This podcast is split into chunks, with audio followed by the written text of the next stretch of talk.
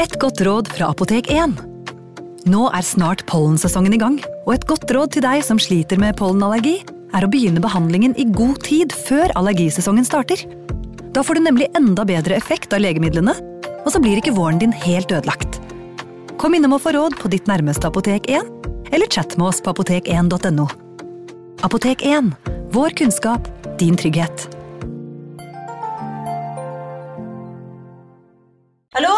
Jeg kommer fra Oslo politikammer. Ine Jansen er purk. Er du purk? The motherfucking bitch. Alt jeg vil, er å finne ut hva som skjedde med mannen min. Jon Carew. Er jeg sikta for noe? Iben Akeli. Det er du. Ole So, Lars Berrum og Big Daddy Karsten. Hvem sin side er du på, egentlig? Anette Hoff, Tone Danielsen, Kommer du fra Afrika?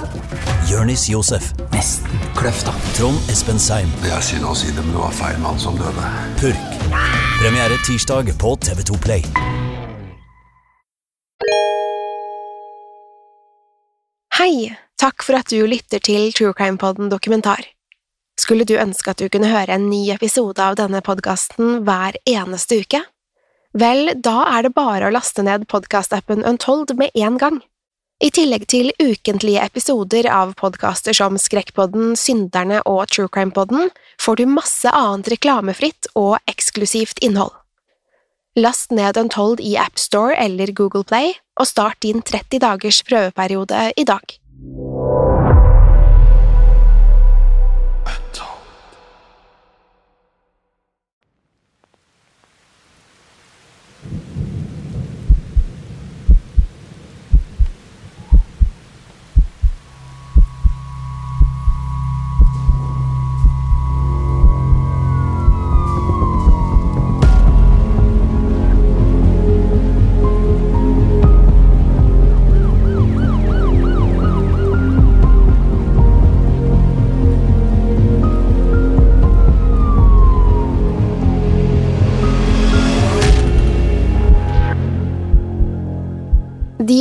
siste tre ukene har vi hørt historier om mennesker, særlig kvinner, som på ulike måter forsvant eller ble drept. Drapene og forsvinningene har ikke så mye til felles, annet enn at de fant sted langs den beryktede strekningen Highway of Tears. Den heter egentlig Highway 16 og strekker seg fra storbyen Prince George til kystbyen Prince Rupert i British Columbia, Canada. Det er umulig å vite hvor mange mennesker som faktisk har forsvunnet eller blitt drept her, men det vi vet, er at det dreier seg om 70 mennesker, minst. 70 skjebner, 70 liv, som har blitt avsluttet på verst tenkelige måte. I dag skal vi i redaksjonen snakke om sesong tre av True Crime Podden dokumentar, i tillegg til å svare på spørsmål fra lytterne. Vi skal også, som alltid, avsløre saken vi tar for oss i neste sesong, altså sesong fire, og det gjør vi i slutten av denne episoden. Det blir en sesong jeg tror mange av dere vil se frem til. Men først, la meg presentere redaksjonen. I dag har vi en ny stemme med oss, det vil si han er ny for dere som hører på, men for oss er ikke du så veldig ny lenger. Johan Ferdinand Østreng, velkommen. Takk for det. Takk. Johan, du har jo skrevet eh, sesong tre, og det gjør vel kanskje deg til eksperten på Highway of Tears? Ja, det vil jo vise seg, det. Ja, det er eh, Det er i hvert fall kommer godt med når vi skal snakke litt om eh, Highway of Tears her. Vi har også med oss programlederkollega Aksel Aubert, hallo. Hallo, hallo. Og Jim Fosheim, eh, min faste makker i omtrent alle podkastene jeg har. Velkommen til deg. Tusen takk. Så er vi klare til å Skal vi snakke om eh, Highway of Tears? Føles sånn. Ja. Um, jeg kan jo begynne med å, å si at dette her har jo vært en litt utfordrende um, sak, fordi det har jo vi snakket om, Johan.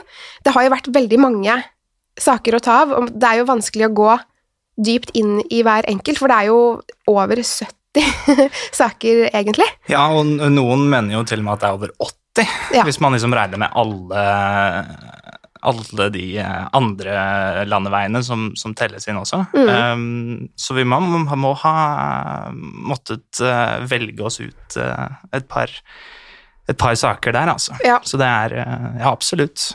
Veldig mange. Hvordan syns du det var å, å, å få et tema med så mange, um, så mange skjebner som det på en måte ikke fantes noe info om? Det, er jo, det finnes jo mange navn, og noen sånne ukjente. Um, og så plutselig så skal vi prøve å få alt dette inn i en, uh, en sesong i True på en dokumentar. Ja, nei, det kan du si. Det er um, så selvfølgelig veldig utfordrende. Um, for det er jo det er liv vi snakker om her. Mm. Så det å Hva skal jeg si Det å, det å finne, finne nok informasjon til å til, til å gi disse menneskene historie, Altså fortelle historien til så mange mennesker, det, det er jo en, en ny jobb, men det er kjempespennende, da. Absolutt. Veldig interessant. For vi begynner jo hele mm, ballet, holdt jeg på å si, med å snakke om strekningen. Og den er jo veldig lang. Hvor lang var det du sa den var, Aksel? Det, det kan jo du. Altså, ja Jeg kan opplyse her om at uh, Aksel sitter med Google Maps. Nei, jeg sitter med appen. Uh, ja, nei, men altså det som var at jeg, Egentlig så gikk jeg inn fordi at uh, dette her er en del av det store Altså sånn Det er en 270 mil mm. hvis du tar hele Highway 16, ja. men når vi begrenser det til Prince George og Prince Rupert, så var det liksom eh, Ja, så er vi kanskje ned i en 70 eller noe. 70 mil. Ja, ja. Det, er jo, det er jo vei, det òg, si. Ja. Det tar jo omtrent åtte timer å kjøre strekningen, så det, er, eh, det er ganske langt. Ja, for vi har jo Vi skal jo egentlig ta spørsmål litt til slutt, men vi har jo faktisk fått et spørsmål fra en lytter eh, som eh, lurte på hvorfor de ikke bare stengte veien, og, eller bare hadde vakter langs veien. Og det er jo, det, det er jo litt sånn eh, Det sier seg jo kanskje selv eh, at det er 70 mil, og da er det kanskje litt langt å stenge og ha vakter langs veien. Det funker dårlig, tror jeg. Høres ut som uh, nesten av militære eller noe sånn her uh, ekstrainnsats for å klare å dekke noe i nærheten av det, i hvert fall. Mm. Og det gjorde de ikke. Nei. De gjorde jo faktisk ikke så mye i, eh, med disse forsvinningene. Da snakker jeg om politiet og Ja, det, det som var problemet, var at det var jo ikke noe modus Altså, det var jo ikke én seriemorder som, som kidnappet eller drepte disse menneskene. Det var jo bare veldig, veldig mange forsvinninger og drap langs veien. Og det er jo litt interessant, fordi når man, da jeg først hørte om denne saken, så trodde jeg at det var sånn Ok, det er en seriemorder som, som har drept folk langs veien og bare kastet fra seg offeret. For jeg tenkte det er så mange, hvilken fyr er dette her, liksom? Men eh, det viser seg at det er jo ikke det. Det er jo bare ja, tragiske skjebner langs en vei. Er det tilfeldig? Ja, det tror jeg, men det er jo grusomt. Nei, og så var det jo også det at det er altså, En ting er at det er 70 mil, men det gjør jo også at det er altså, det, det at det ligger såpass øde at det er ja, mange, mange steder å gjemme seg. Eh, mye reservater, mye liksom, eh, mennesker som haiker langs veien for eh, de de ikke har råd til bil osv., har jo også gjort at det er et ja, at det er tilrettelagt da, for personer som ikke har ærlige hensikter. Um, og det er altså Absolutt. Den strekningen er jo, er jo egentlig veldig vakker. Altså, det er, eh, det er tette skoger, det er fjell, det er innsjøer, det er elver. Altså, det er jo en natur som eh, vi omtrent bare kan matche her i Norge. Eh, Men det gjør jo også at det er eh, veldig mange steder å gjemme seg bort, rett og slett. Ja, og det er jo sånn som er så, så skummelt eh, Med fare for å bruke det ordet veldig mye i denne, denne episoden her, men at man kan gjemme seg unna, så Man kan jo Eller hvis, man, hvis jeg hadde vært en seriemorder, da hvis, um, Hvis. Ja, få høre, Pernille. Skal jeg fortelle hva jeg hadde gjort? Nei, men da er det jo veldig greit å kunne ha skogen å gjemme seg i, og så er det Man vet at folk haiker, man vet at folk kanskje går hjem, er i en utsatt situasjon, kanskje har drukket, tatt eh, noe mm, stoff som man ikke skulle ha tatt, og så Ja er man forsvarsløs. Eh, nå er ikke det kanskje Hadde ikke det vært min modus operandi? Nei da, men det er eh, Ja, det er jo et, en perfekt strekke å ta, å ta noen fra. Ja, absolutt, og nettopp kanskje fordi det er eh, så langt mellom steder, så kan en, eh, en person med onde hensikter kan plukke opp noen fra et sted Mm. uten å kjenne til eh, samfunnet, ingen som vet hvem de er, kjøre fire timer, så er det ingen som har hørt om eh, personen som er blitt borte en gang. Det er eh, Nei, og det som ofte er aller mest utfordrende, er jo at hvis du ikke har Altså, hvis du ikke finner personen etterpå, da. Hvis du ikke finner like eller finner noe, så er det jo veldig lite å utgå fra i en etterforskning òg. Så det er jo liksom Det er jo Gjør jo ting ganske vanskelig for eh, alle parter, egentlig. Mm. Det gjør det, og det er um, Men hvis, hvis vi Jeg nevnte jo så kort her eh, modus operandi, altså måten de eh, ble drept på, og det er jo, som vi sa, ingen spesielt Det er ikke noe sammenheng, egentlig, fordi det er forskjellige drap og forskjellige, eller forskjellige mordere her. Men ofrene har jo litt til felles, synes jeg. Um, det er jo unge kvinner, som oftest, og de blir jo sett på av De blir jo sett på som lette bytter. Og um, omstendighetene rundt forsvinningene gjør det jo vanskelig å si om noen av dem har forsvunnet av egen fri vilje, eller om de har blitt kidnappet. Fordi det er jo noen som hadde kranglet med familien sin, og noen hadde slått opp med kjæresten, og det var liksom De hadde løpt ut av huset og forsvunnet. Og da er det vanskelig for politiet. Da ser man utfordringen der. Man vet ikke om de eh, faktisk ville forsvinne, for det har man jo rett til å gjøre. Så det er, um, det er Politiet hadde jo ikke en lett jobb, er det jeg prøver å komme frem til. Jo, og hvis du i hvert fall har vært villig til å sette deg inn i bilen initialt, eh, så er det jo også litt sånn, ja, litt sånn vanskelig, da. Mm. Eh, Fordi at eh, da er det veldig mye lettere etterpå. Det er jo den der første få noen inn, som jeg tenker altså, Da er det jo motstand, og da er det jo lyd, og da er det det ene med det andre. Ja, for det er vel sikkert ikke bare å lokke med valper og godteri og kattunger eh, lenger. Prøver du å si at det er sånn du hadde gjort det? Det er sånn, det hadde vært min eh, Det hadde jeg prøvd, da. Ja. Eh, I hvert fall kattunger. Eller falt for. Ja, fall, ja, jeg, så hvis, eh, hvis det er noen som Ja, valper er det da i så fall, hvis jeg kan Ja. ønske meg noe. Så um, Det er sånn tegnefilmbortføring, det. Ja, det er det faktisk. En hvit sånn van. Det er jo, eh, det er jo ofte det det er. Mm. Men eh, Nei. Men Og så er det jo Det starter jo på Det er starten av 70-tallet, ikke sant, Johan? Du som har eh, infoen her. Helt riktig. Eh, starten av 70-tallet, faktisk i eh, 1970. 1970, ja, det er veldig starten, det. Helt, Helt, Det er helt i starten. helt i starten. Ja, det, er, det. kan vi konkludere med. Etter mine beregninger så er det det. Um, og så har det holdt på jevnt og trutt siden, altså. Ja. Mm. Og så er det ikke så mye som skjer. Ehm, forsvinningene og drapene blir jo eh, anmeldt som oftest, og, og ehm, noen, noen settes i fengsel, noen dømmes, noen eh, blir aldri oppklart. Men det, blir, det er liksom ikke så mye som blir gjort, fordi det er ikke før i 2005 at IPANA faktisk eh, blir opprettet. Og hva, hva var det Hva er IPANA, Johan? Eh, IPANA, det er en um, Det er et prosjekt som, uh, som ble satt i gang av uh, E-Division. altså det er politiet som, uh, som har ansvar for det området som Highway 16 eh, går gjennom. Og det er også derfor det heter E-Pana. Og Pana, det, det er inuittenes gudinne for, som passer på de døde og sørger for at de kommer seg til himmelen. Um, så det Det syns jeg var litt fint. Altså, Ja, det er litt de fint. hadde det en hyggelig Ja, litt fint er det. det var Eh, Når de, først skal, når de først skal gjenopprette, eh, så bruker de i hvert fall et fint ord Ja, ja. Eh, Det må jo hjelpe Vi har, mye. ikke gjort, vi har ikke gjort så mye på 30 år, men nå, eh, nå, bruk, nå hører vi på dere. Men nå bruker vi en gudinne, så noe skal dere få. Ja, ikke sant? Ja, nei, altså, de, um, de begynte jo å se på, på visse saker, absolutt ikke alle. Um, jeg mener å huske det er 18 saker som er på IPANA sine lister akkurat nå. Mm. og der er det jo visse kriterier for at uh, ofrene skal, uh, skal uh, være på, på den lista. Uh, de må ha vært kvinner.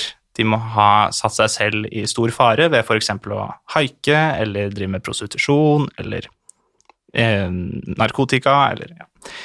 Ehm, og i tillegg så må de ha Det, det kan ikke være noe eh, Altså, hva skal jeg si Det, det kan ikke være noe, eh, noe tvil om at de har forsvunnet på grunn av noen de ikke kjente. Mm. Eh, så det kan ikke ha vært uh, f.eks. vold i nære relasjoner, eller, eh, eller eh, at noen lurer på om de kanskje har forsvunnet på egen hånd. Um, Ja, fordi du skriver jo eh, det, Dette er liksom sitat fra, fra episode to, tror jeg det er. mm, Det står I tillegg måtte ofrene ha blitt drept eller forsvunnet fra Highway 16, og senere også Highway 5, 24 og 97. Og det siste kriteriet var at beviser tydet på at kvinnene var blitt utsatt for et angrep fra noen de ikke kjente. Eh, og det var jo liksom veldig greit. Men så står det også her Listen inkluderer derfor ikke tilfeller der det gjelder vold i nære relasjoner, det sa du jo. Eh, og spesielt på grunn av kriteriet om at kvinnene måtte ha vært utsatt seg selv for stor fare, var det flere familier som ikke ville at deres kjære skulle settes på den listen, også fra episode to. Og det må være en sånn merkelig situasjon for familiene, for her har de mistet noen, eller noen er forsvunnet, noen er drept. Og så kan de kanskje få hjelp til å få saken etterforsket, men så vil de ikke ha sin eh, kjære på den listen, i tilfelle, for i tilfelle det blir satt, eller det setter dem i dårlig lys. Ja, nemlig. Og det syns jeg er så um, trist. At det Sikkert noen som også bare ønsker å være ferdig med det. Bare liksom Når jeg er forbi det, jeg orker ikke mer smerte, bare la det ligge, på en måte. Mm. Og så er det nok ganske mange som heller ikke nødvendigvis har eh, enorm tillit til eh, systemet eller etterforskning. Og det er sikkert mange årsaker, da. Mm. Men eh, de som da ikke vil, eller som bare ikke Hvis det er noen som ikke bryr seg, så er det jo veldig kjedelig, da. Ja. Det er veldig mange som heller ansetter private etterforskere, faktisk, enn å la politiet ta det. I Canada så har private etterforskere omtrent de samme rettighetene Mm. som politiet, faktisk. Oi. Så de eh, eh, så, det er mange som går for en, en sånn løsning istedenfor. Mm. Men så er det jo Vi snakker om at det er um, Det er jo en del eh, av disse reservatene langs Highway 16, og der er det jo også mye fattigdom. Så hvordan har de råd til uh, Altså, alle, alle langs Highway 16 er jo ikke fattige, det er ikke det jeg mener, men, men disse reservatene, de har jo som oftest uh, ikke så mye å, å rutte med, da. Det, det er veldig um, rart at de faktisk velger å bruke så mye penger på privatetterforsker enn å få politiet til å gjøre det. Men igjen, har de tiltro til politiet som ikke har gjort noe på 30 år, som du sa, Aksel? Ja, og det, det er vel i hvert fall, kan jo da legge til at selv om de da oppretta i 2005, så, så ser de tilbake. Altså de, de tar saker helt tilbake fra 70-tallet, Mm. eh, når de vel setter dem i system. Mm. Eh, sånn at det er ikke Det begynte ikke da, eh, eller det, det startet da, men, men de ser bakover. Ja, og det, ja, det er i hvert fall bra. At det var, var ikke sånn Bare fra 2005 og utover skal vi, skal vi se på nå. Men det er jo, det er jo liksom for lite, eh, syns jeg, da. Men jeg syns jo at eh, Jeg skulle ønske at alle disse drapene kunne blitt oppklart, og de som har drept, kunne fått straffen sin. Men eh, det er jo ikke alle som bryr seg. Dessverre. er det, er det rundt 15-20 eller noe på IPAN? Ja? Ja, jeg, jeg lurer på om det er 18, jeg. Mm. Um, Mm. Ja. Mm. Der ser du. Men um, nå har vi snakket litt om i panel, litt om drapene og sånn, og jeg syns jo Jim, vi har jo fått en del spørsmål, vi. eh, så vi kan jo snakke litt om de, for noen av de er litt morsomme å ta, og andre Mm. er litt mer alvorlige, selvfølgelig. Det første vi har notert oss, eh, har vi jo allerede tatt på sett og vis. Altså, hvorfor stengte de ikke bare veien, eller hadde vakter langs veien? Og det er litt sånn eh, en relativt stor oppgave. Mm. Men her er et spørsmål til eh, dere alle, da. Tenker dere at uh, det var en seriemorder som var løs her? Ja, altså eh, Det er jo i hvert fall Det er i hvert fall et par stykk som vi har nevnt i, i sesongen. Blant annet Cody Legebukov mm -hmm. og Brian Peter Arp. Eh, og I tillegg så har vi jo en som heter Bobby Jack Fowler. Han har vi ikke nevnt, for han eh, holdt, på, eh, han holdt ikke på på Highway 16, men eh, hans offer er en del av IPANA-lista. Um, det, Det er det som er fint med disse episodene, at man kan ta med ting som ikke nødvendigvis eh, passer inn i selve episodene. Ja, det er sant. Mm. Helt sant. Men han, vi kan jo snakke litt om han Cody Legg-Bokaf. Han, jeg er glad for at det var Aksel som leste om han, fordi eh, jeg hadde jo litt problemer med mange navn under denne mm, innspillingen av disse episodene. Um, men han var jo De har sikkert gjort vold på noen nå, for å være helt ærlig. Ja, det kan godt hende, men det, er, det byr vi på. Ja. Det, mm, Men ja, altså, jeg, så spørsmålet er, som, som du sier det, ja, vi, har, vi vet at det har vært noen seriemordere i området, eh, men IPANA tror liksom heller ikke at det er én eh, seriemorder som kan ha ansvaret for alt her, men at det er eh, liksom et sted hvor flere seriemordere kan ha holdt på, og hvor ting kan ha vært eh, satt i system av noen ulike. Um, og så er det sannsynligvis også noen som kanskje klarte seg med én. Ja, men det er, jeg syns jo Cody Legbokoff, uh, uten å si det navnet noe mer, uh, var veldig interessant, fordi han du, Hvis jeg skal tenke meg til en seriemorder langs en veistrekke som er litt sånn mørk og skummel, uh, i hvert fall om natten, si, den var jo vakker om dagen, så er ikke denne personen uh, han jeg tenker først på, for han er født i 1990, det er øh, Det er jo Ja. Eh, han er ung. Så det, det er, det er kriteriet. Han er ung. Um, men så er det Han var en helt vanlig tenåring. Han drev med ishockey, hadde mange venner, han eh, kom fra en helt normal familie. Det var liksom ikke noe alvorlig kriminalitet på rullebladet, og han var ikke på politiets radar. Og så plutselig så er det noe som skjer, det bare klikker for han, og så eh, begynner han å drepe. Og han drepte sitt første offer som 19-åring. Eh, det fins jo selvfølgelig seriemordere som har begynt før den tid, men jeg syns det er tidlig for en vanlig tenåring. Nå kan man jo argumentere for at han ikke var vanlig, siden han faktisk De aller, de aller fleste tenåringer holder seg unna, så det, det Heldigvis. Ja, så det- det er vi veldig glad for, dere unge. Det er kjempefint. Men fire ofre. Eh, det var Jill Stacey Stuchenko, eh, Natasha Linden Montgomery, Cynthia Frances Mass og Loreen Don Leslie. De var 35, 23, 35 og 15 år. Veldig stor aldersforskjell. Um, og han ble jo dømt den 11. september 2014 til livstid i fengsel med minstetid på 25 år. Så han kan jo komme ut igjen, men da er han vel en, en um, Da har han vel kanskje tenkt på hva han har gjort. Får håpe det, i hvert fall. Ja. Men i hvert fall én Hvis vi har svart på spørsmålet da, syns du det, Jim? Ja. Eh, Er det noen flere innspill her? Nei, vi sa vel det vi trengte. Hvorfor ble Tamara-forsvinningen utløsende for Ipana?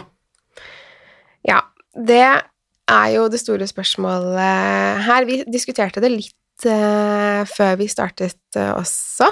Um, for det er jo Hva var det med hennes eh, forsvinning som gjorde at hun liksom Det var det som var utløsende. Har du noe eh, Du hadde jo noen tanker om det, Johan? Ja, altså Det er jo egentlig veldig vanskelig å svare på, eh, men sånn som jeg har tenkt på det, i hvert fall, så, så ligner Tamaras forsvinning veldig på eh, de som foregikk på, på 70-, 80-, 90-tallet. Um, eh, og passet veldig godt til altså selvfølgelig de kriteriene som, som vi nevnte i stad. Eh, Så politiet trodde på en måte at det, det hadde en sammenheng med tidligere drap? Ja, ja muligens. Eh, eller i hvert fall eh, havnet under samme kategori. Og når man da Når de da fant likheter, endelig fant litt likheter mellom alle disse forsvinningene, så tror jeg kanskje at det var en slags eh, utløsende årsak. Men det er jo um, Ja, fordi eh, det snakket vi også litt om. Jeg skal unnskyld meg, nevne det litt kort. Men nå vet jo ikke jeg om hun var um, ur, av urbefolkningen, eller om hun var en Unnskyld. Jeg bare tok en stor slurk med kaffe i sted. Nå er jeg tilbake. Vi Um, drikker faktisk kaffe i redaksjonen her. Det gjør vi. Vi Ja, vi drikker mye kaffe. Nok. Vi drikker nok. um, kaffe. Jo. Om hun var eh, en av urbefolkning, fra ur, urbefolkningen, eller om hun var eh, hvit.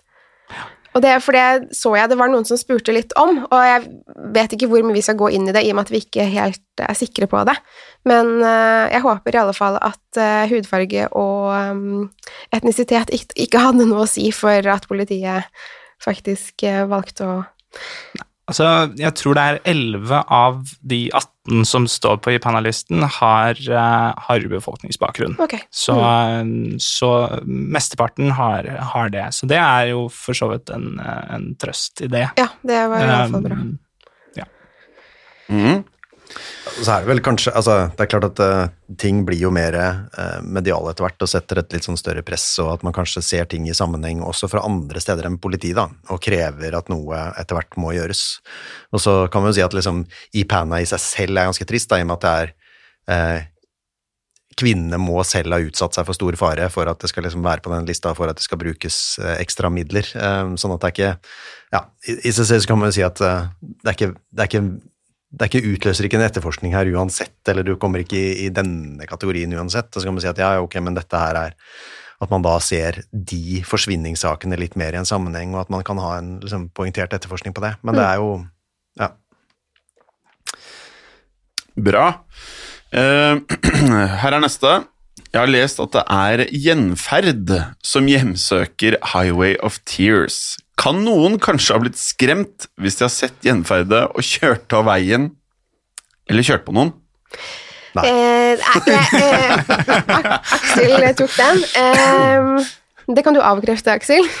Ja, altså, ut, ut fra mitt eh, u- u- Sånn som jeg ser verden, så er det et, er det et nei. ja. Men fra et skrekkpodden-perspektiv yeah. så kan det ha vært et gjenferd på veien. Ja, altså, neste episode. ja, for jeg har jo vel ikke fått avkreftet Det står vel ingen steder at det ikke har vært et gjenferd, eh, jo. Nei, jeg har ikke, jeg har ikke lest det, i hvert fall. Nei, nei. nei, men det er jo um, Vi har jo faktisk hatt i noen episoder i Skrekkpodden hvor det har vært um, veistrekker. Ja, altså Det jeg leste nå sist, hva var det jeg skrev til deg som du hadde skrevet så sykt bra, eh, Johan? Eh, hvor du satt det, Ja, Nå skal jeg ikke avsløre hva det var, men i løpet av episoden så kommer det frem at det sitter en person i bilen med hovedpersonen. Og da var det faktisk, når jeg leste inn, så fikk jeg frysninger. Eh, så jeg håper lytterne også får frysninger. Rart ønske å ha, men jeg har det. Eh, og jeg, etter å ha jobbet mye med Skrekkpodden, så er jeg vel mer tilbøyelig til at noen av tingene er Jeg, kun, jeg har tendenser til å tro både på konspirasjoner og noe i gjenferdlandskapet. Ja. Jeg har de tendensene i meg, så jeg, jeg kan ikke, Jeg er ikke på tinfoil, men Nei, jeg kunne tendert mot at det kan være Det var mange saker, dette her. Ja. Det var mange som ble borte. Ja. Kanskje én av de kanskje så et eller annet og kjørte av veien. Jeg vet ikke. Men om Kanskje man har tatt Men en pille større, som gjør at du ser noe. Ja, men jeg tror større sannsynlighet for at det var en hjort enn at det var et jente. ja, det tror jeg også. Det Det er enig Dessuten skulle jeg tro du var ganske herda etter å ha eh, lest så mye skrekk. Nei, uh, og spesielt da du har lest veldig mye Synderne. Der eh, er det jo sånn at man av og til må ta pauser. Eller jeg har tatt pauser i Synderne flere ganger. Absolutt. Men uh, det som kan ha skjedd, du var jo innpå, eller vi har jo pratet om drugs.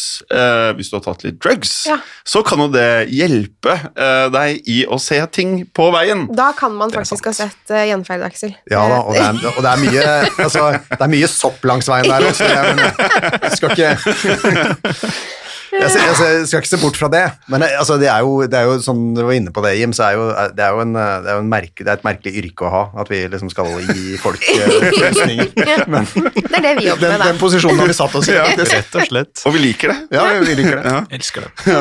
Men det er jo um, Ja, skal vi Vi trenger kanskje ikke å konkludere på akkurat det um, gjenferdespørsmålet, men vi kan jo bare la det henge i luften. Og, Ja, Eller jeg lurer på, er det bare jeg som tror at det kanskje kan dukke opp ting Jo, som nå skal du høre. Ja, Nei, vi kan gå videre. Uh, denne her er jo uh, veldig fin, syns jeg. Uh, finnes det noen filmer eller dokumentarer om Highway of Tears? ja, det er et bra spørsmål. Det gjør det. Det finnes en dokumentar fra 2015 eh, med, faktisk med Nathan Fillion i, som fortellerstemme, som noen kanskje kjenner fra TV-serien Castle. Ja, han kjenner ikke jeg, men jeg kommer til å se den. Du har nok, kjenner nok trynet på han, Å ja, hvis du søker den opp. Ja. Um, Har du sett den, Jan? Filmen? Eller Eh, dokumentarfilmen? jeg, har ikke, jeg har sett bruddstykker. Ja. Um, den eh, lå bak betalingsmur. Ikke sant. Det er greit å opplyse om. Men, Hvor er det uh, man kan se den? Du, jeg fant en nettside, rett og slett, som, ja. som eh, tilhørte filmen. Eller, ja, så, altså Eh, en forlengelse. Vi har jo en podkast, Pernille, som vi har hatt har vi. på eh, ett års pause, eller to. Mørkeredd. Ja, ett eller to Ja. Som egentlig skulle komme mange sesonger av, så ble det mye annet av podkast. Men uh, der prater vi veldig mye om filmer. Ja. Er det noen som har noe annet å anbefale nå? For det vet vi at lytterne setter veldig pris på. Annet av filmer? Jeg Ja, har skrekk, en, altså. Skummelt. Skummelt. um, Ja, eller i det landskapet, kanskje. Jeg har en eh, TV-serie som jeg har sett veldig mye på i det siste. Ja. Eh, men det er true crime, selvfølgelig. Eller surprise. Å, er surprise. Ja, for jeg, jeg liker true crime. Jeg syns det er veldig spennende å se på. Ja. Det er en hobby jeg har, faktisk. Og den er på Nå heter det Discovery Plus, eller heter det Deepplay? Men den Discovery Plus. Discovery Plus. Uh, den heter Your Worst Nightmare. Ja. Og jeg så en episode her om dagen, og jeg syns det var en veldig sånn Det var en eh, klassisk sånn eh, drept av kjæresten sin eh, episode, men Den foregikk på det universitetet jeg gikk på i USA. Oh, Eh, på, og der hun ble drept, det var huset ved siden av da jeg bodde det første semesteret. Oh. Så jeg fikk eh, Snakk om frysninger. Altså, jeg Wow. fikk helt sånn Jeg visste ikke hvor jeg skulle gjøre, men jeg måtte liksom pause og tenke at herregud, dette her er helt sykt. For det var så Det ble så nært. ja, det er nært. Så det var episode mm, Sesong tre, tror jeg. Ja. Um, nå husker jeg ikke hva jeg kan, uh, Hvis noen lurer på hvilken det er, så kan dere skrive til meg på Instagram, så kan jeg fortelle dere hvilken det var. Ja. Men uh, Your Worst Nightmare på Dplay Discovery Plus. Herregud. Du Aksel har vel bodd i samme delstat med en eh, morder har du ikke? Jo da, jeg, eh, vi, vi- får vel handle litt sånn seinere i systemet. Ja da, ja da. Mhm. Så jeg skal ikke avsløre Det var i Milwaukee, så kan jeg se om eh, noen Det er eh, nok noen der Er det noen ute som kjente eh, mordere i noen, noen der ute som kan eh, prøve, prøve, å, prøve å pense litt inn på hva som kommer litt sånn eh, noen sesonger framover. Nå vet du i hvert fall hva alle spørsmålene i neste redaksjonsepisode kommer til å handle om. Og så husker jeg altså, jeg, bodde i Stockholm noen år, og da var det sånn, da var jeg hjemme på sommeren, så plutselig så var det sånn eh, drap på, på den eh, sånn eh, En som hadde liksom bare gått inn og skutt ned to personer, sånn gjengfolk, eh, i, på den puben som jeg pleide å Ja. liksom, sitte på det året. Det, det kjente jeg også kilte litt i, i, i skrekknerven. Men jeg er ikke så veldig glad i skrekkfilm, eh, siden vi da har fått et spørsmål. Bare skremmefolk. Ja, Jeg er mer, Skremme andre. mer glad i å skremme andre enn altså det er, Jeg vet ikke, men det er et eller annet altså, Kanskje er det, henger litt sånn sammen med det nei-et mitt på gjenferd. da. At jeg er, jeg er litt sånn Jeg er ikke så ehm, Jeg lar meg ikke skremme så lett av det. Jeg, liksom klarer, altså jeg klarer ikke å leve meg så veldig inn i det. Så jeg blir, liksom, blir mer sånn ja, ja. Uh, så for meg så er det litt sånn Jeg er veldig glad i litt mer realistisk, eh, dramatisk eh, film. Ikke så glad i skrekk. ja, for du syns ikke spøkelser er så realistisk? eh? Nei, jeg, syns, altså jeg har prøvd det noen ganger, eh, og syns eh, ofte at jeg liksom bare Når folk sitter og skriker ved siden av, så skjønner jeg ikke hvorfor. Nei. Men, Men, jeg da, syns det var da veldig har jeg faktisk jeg, jeg må bare skyte ned før jeg glemmer det. Eh, Har dere sett Creep? Uh, ja, det, men det er noen år siden. Ja. Kan det, ja. For det er veldig sånn low budget. Mm. Og så eh, er det Creep 2, eh, hvis man liker Creep 1. Og der er det filmet i eh, Det er veldig dårlig, og det er med vilje, da. eh, dårlig kamera, og det, det føles veldig sånn ekte. Ehm, og der er det rett og slett en eh, psykopat som eh, lurer folk og får de til å liksom Altså, han skildrer Jeg skal ikke fortelle slutten, da, men han skildrer eh, hvordan han endte opp i forskjellige hus, og så lurer han folk inn dit på en eller annen måte, og så virker alt veldig hyggelig. Og så blir det ganske mye blod og gørr. Men de ligger på Netflix, Creep 1 og Creep 2. Eh, veldig få jeg har pratet med som faktisk har sett de. Jeg eh, digget de, og de er ikke gjenferdete. Dette her er sånn jeg tenker sånn Dette kunne kanskje skjedd hvis jeg skulle kjøpt noe på finn.no og jeg måtte reise veldig veldig langt vekk, og det tilfeldigvis ble mørkt, og jeg måtte overnatte der. Så kunne det skjedd. Ikke at jeg hadde overnattet for å kjøpe en kjelke på finn.no, men Nei, og så må jeg jo si, altså sånn eh, nå, nå så jeg i onde dager, da, eh, for ikke så lenge Ja. siden, og det, er jo ikke skrekk, men, eh, altså det er mer en type liksom, nesten splatter, men det er jo også Det er litt sånn Ja, altså det er jo sånn herre altså, Det går i hvert fall i en retning av humor, Ja. og, og de, de, tenk, altså, de som trekkes liksom så langt, kan jeg som synes er sånn eh, Ja, litt morsom, da. Peter Jackson har jo også noen Ja, eh, Brain så- Dead. Ja. Så det er jo liksom Så det, det er jo liksom men, men det sånn, som bare går inn for å skremme, eh, har jeg ikke noe sånn veldig sånn. Ja. Ja. Ja, det er egentlig ganske godt tips til Peter, tidlige Peter Jackson-filmene, Bad Taste og Brain Dead. Mm, bad taste, ja, den er, eh, den er fin. Så for de som altså, det, var jo, det var jo det som var bakgrunnen da han gjorde liksom, eh, Sagan om ringen. Og det var jo som, for, for de som var inne i det, så var jo, tenkte man at det kom til å bli veldig kult, men for veldig mange andre så kom han jo som en sånn Hæ? Ja. Men jeg tror mye av det derre eh, eh, Robert Rodriguez, Quentin Tarantino samarbeidsprosjektene, hvor det er mye sånn zombier og blod og gørr, mye av det tror jeg er tidlig Peter Jackson-inspirert. da. Mye sånn eh, bare sprute blod. Ja. Og satte Guinness-rekorder i griseblod i antall liter brukt i løpet av film. Ah, okay, Så ja. det, ja, det, mm. Det er en fin rekord å ha, da. Ja, jeg ville gjerne hatt den. Ja. Du Eh, kan jo, Det er ikke for ja. sent, Jim. Nei. Jeg holder meg faktisk til podkast, jeg, tenker jeg. Men jeg, kan jeg bare si, Eh, det, jeg synes det var veldig morsomt at Aksel fikk et spørsmål. Det er sånn, vi har fått veldig mange spørsmål om saken og sånn, og så er det Jeg ser Aksel på strekken. Ja, det er veldig et gøy. eget til deg. Det er Ja, ja. hyggelig. Det er noen som Jeg, vet ikke hva de er ute etter, med det Men... jo Kanskje de har enset at du ikke blir redd? Men jeg håper de ikke ble skuffet nå, Aksel. Så, altså, jeg, blir, jeg blir redd, det er bare ikke av skrekkfilm. nei, ikke sant. Jeg blir også redd av skrekkfilm og andre ting. Neste. Hvem er deres favor... Det er eh, et spesielt spørsmål, altså. Det kan jo bare komme i denne podkasten. Hvem er deres favorittseriemorder? Eller favorittsak? For vi må jo bare legge til grunn at det er lov å ha favorittsak og favorittseriemorder. Ja. Eh, tenker jeg. Men ikke på den måten at vi liksom Vi hedrer det ikke, på en måte. Det er eh, Det er fordi vi syns det er en spennende sak. ja, spennende sak. Mm. Men er det da spørsmål om uh, hvilken av Highway Tears-sakene som er en uh, favoritt, eller um, generelt? Jeg tror dette er generelt. Det står Ja, ikke det er- noe annet enn Det er vel bare ikke mange seriemordere i Highway Tears, så jeg tolker det som at ja, at det er uh, hvitt. helt generelt. Jeg kan, jeg kan jo begynne, jeg. Ja. Eh, Det er jo forrige sesong, eh, Zodiac, som er min Ja. store favoritt fordi eh, Eller er, jeg syns det er åpenbart hvorfor det er favoritt, fordi det er bare uoppklart og så mystisk.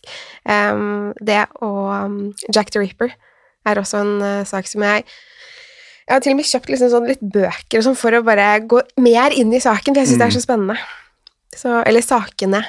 Men favorittsak Jeg tror kanskje Maura Murray. Vi har en episode om uh, henne i um, True Crime Poden. Er, um, og den har kommet litt opp i det siste. For uh, der, det er en forsvinningssak, for de som ikke vet. Um, og vi, ingen aner hvor hun har blitt av. Men der hun forsvant, så er det funnet benfragmenter som de tror er fra et menneske.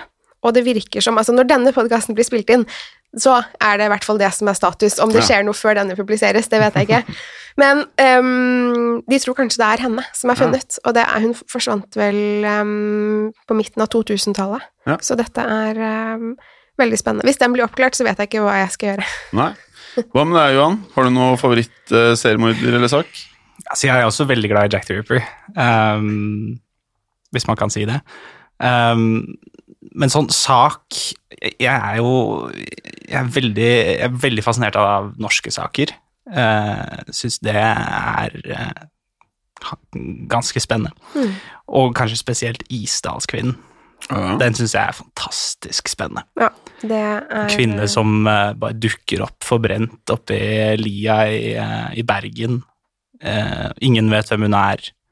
Hun har eh, alle, altså alle Alt tyder på at hun har vært spion eller et eller annet sånn noe lyssky noe.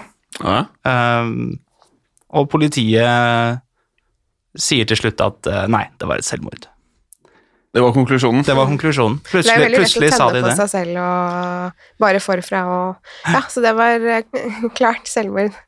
Prøver du å si at det ikke er helt utenkelig på et eller annet tidspunkt at du kommer til å skrive en uh, sesong med Isdalskvinnen?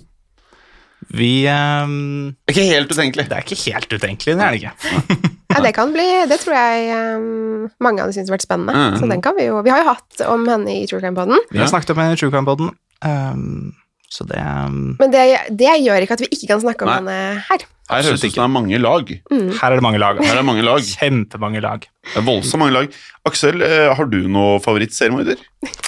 Nei, jeg har ikke noen favorittseriemorder. eh, Jeg, liksom, jeg passer meg jeg, altså, jeg syns egentlig at uh, Veldig rar. Nei, altså, og det, Det det er derfor syns- jeg lo la den der disclaimeren først. Ikke sant? Nei, og jeg syns jo egentlig at det er veldig sånn uh, Altså, jeg syns kanskje det er liksom det vanskelige i det landskapet her når vi holder på med dette her, da. Det er jo at det er eh, ekstremt mye skjebner og ekstremt tung materie. Og jeg eh, eh, må jo si at liksom eh, Hvis vi nå skal se på litt sånne saker, da, så må jeg jo si at en av de um, sakene som har berørt meg mest, og som uh, det kommer jo i neste sesong. Oi, Oh. det var Mm, Nok et hint. Det var Og imponerende. eh, Madeleine McCann, eh, som det da er, Hey. er eh, Nei, altså, det, det er jo en, en, um, Altså, men det med barn, ikke sant? Eh, og barn som forsvinner, og eh, foreldre som blir mistenkt selv, og som helt åpenbart ikke har liksom eh, Uansett hvordan man snur og vender på det, ikke har gjort, eh, vært liksom helt fornuftige i måten de har liksom stilt seg på.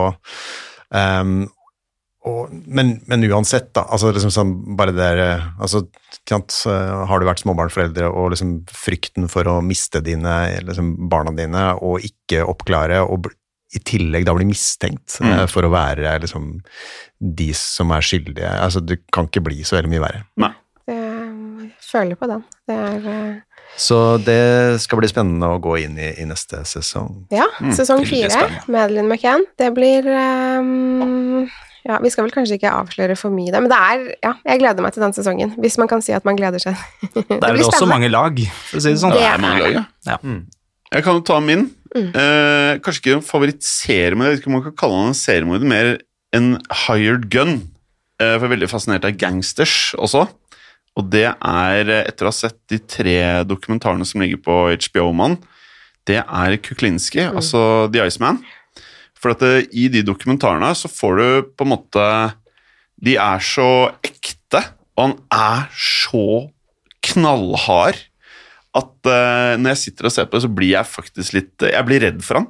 Uh, og det er så langt unna noe menneske jeg har møtt, den atferden og måten Og hvor fryktinngytende han er når han ser inn i kameraet, og så spør til slutt han reporteren Har jeg irritert deg nå? Og så tar han et langt sånn sukk. Så er det en sånn lyd han lager uh, hver gang han skal tenke. Sånn, en sånn lyd som da kommer, så ser han dypt inn i kameraet. Jeg er irritert på deg. Og så bare Åh, nei nei nei nei. Og så jeg, Jeg husker ikke lenger hvor mange det er, men det han Han husker selv ikke hvor mange han har drept. Men han får spørsmålet litt forskjellige tall han opererer med i forskjellige dokumentarene. Men sånn Hvis jeg ikke husker helt feil, så er det sånn Han mener det kan være 200-300 eller 400-500. Og så skildrer han også at han har gjort ting som er eh, veldig forstyrrende. Da. Så du, når du ser han også, så skjønner du at han her er kapabel til å gjøre ganske mye sjukt. Hvor han i relativt tidlig i den uh, leiemorderkarrieren uh, testa ting sånne medieval-varianter. Uh, liksom der, å legge folk i huler. Altså dette er i uh, sentralt i USA. Finne sånne naturområder der hvor du er komf med å legge en fange. Og så få liksom rotter til å spise seg innover i kroppene deres. Mye sånne sjuke ting i veldig ung alder. Mm. Eh, så det at eh, jeg så de dokumentarene, er det som gjør det så ekte. da, Og at eh, sånne mennesker eksisterer.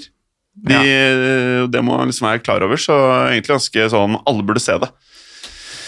Eller alle som tåler det. Ja. Det er ganske heavy. Ja, det er ganske beinhard ja. eh, historie, det der. Men... Og så bare én ting til også, mm? som, er veldig, som gjør det spesielt ekte, disse greiene her.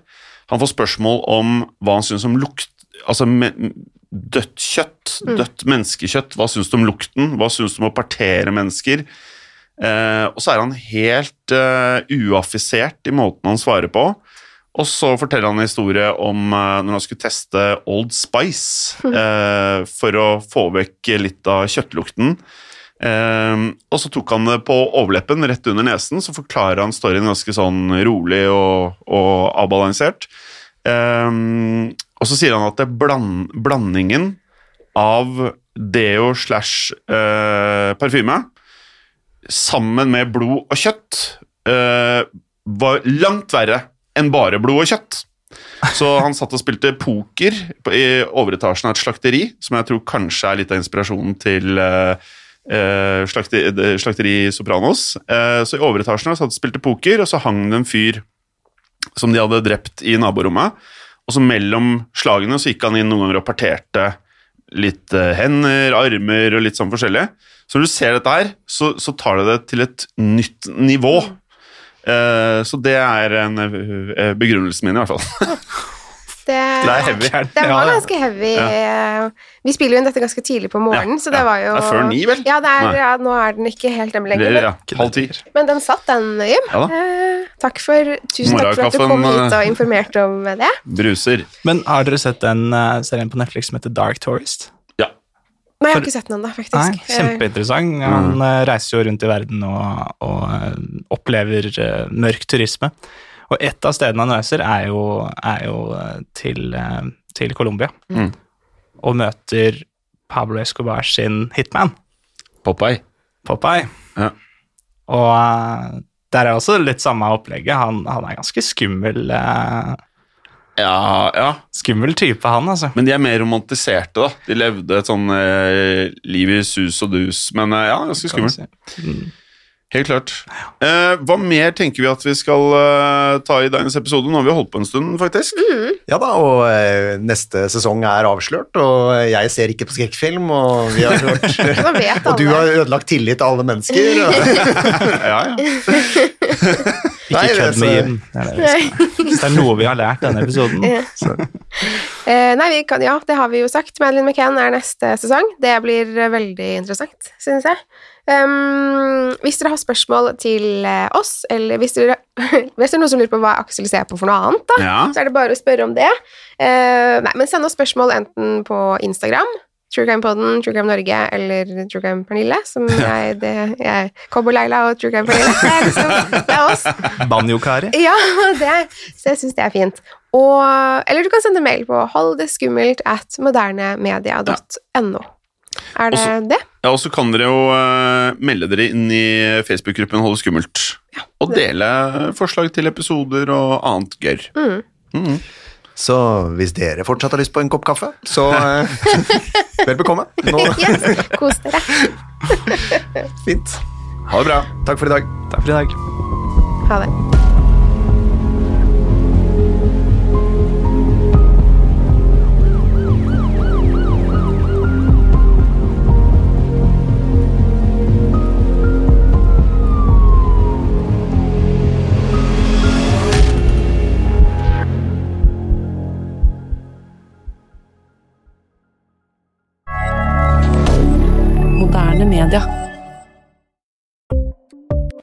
Ukens annonsør er Folio, en smartere banktjeneste for deg som har en egen bedrift eller ønsker å starte for deg selv. Folio er en superenkel nettbank for bedrifter. Som kunde i Folio får du en bedriftskonto med et bedriftskort og app. I denne appen er det smarte løsninger som forenkler regnskapet ditt, uansett om du har en liten bedrift eller et enkeltpersonsforetak. Folio er både intuitivt og brukervennlig, og er laget med et enkelt språk. I tillegg tilbyr de forutsigbare priser og ingen skjulte gebyrer. Skulle du likevel trenge det, så kan du snakke med deres raske og hyggelige kundeservice, og der får du prate med en faktisk person og ikke en chatbot. Folio er med andre ord både enklere og koseligere enn banken. Over 10 000 bedrifter har allerede valgt Folio som sin banktjeneste, så besøk folio.no og se hvordan Folio kan forenkle din hverdag også.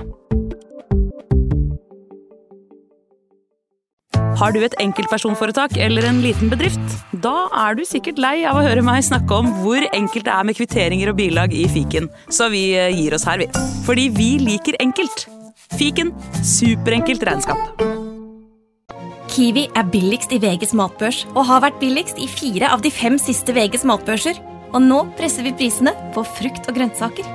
På 200 gram broccolini setter vi prisen til 24,90. På 400 gram Cevita blåbær setter vi prisen til 49,90. Og husk, alle Kiwi Pluss-kunder får i tillegg 15% trumfbonus på all fersk frukt og grønt. For det er vi som er prispresserne. Og vi i Kiwi gir oss aldri på pris.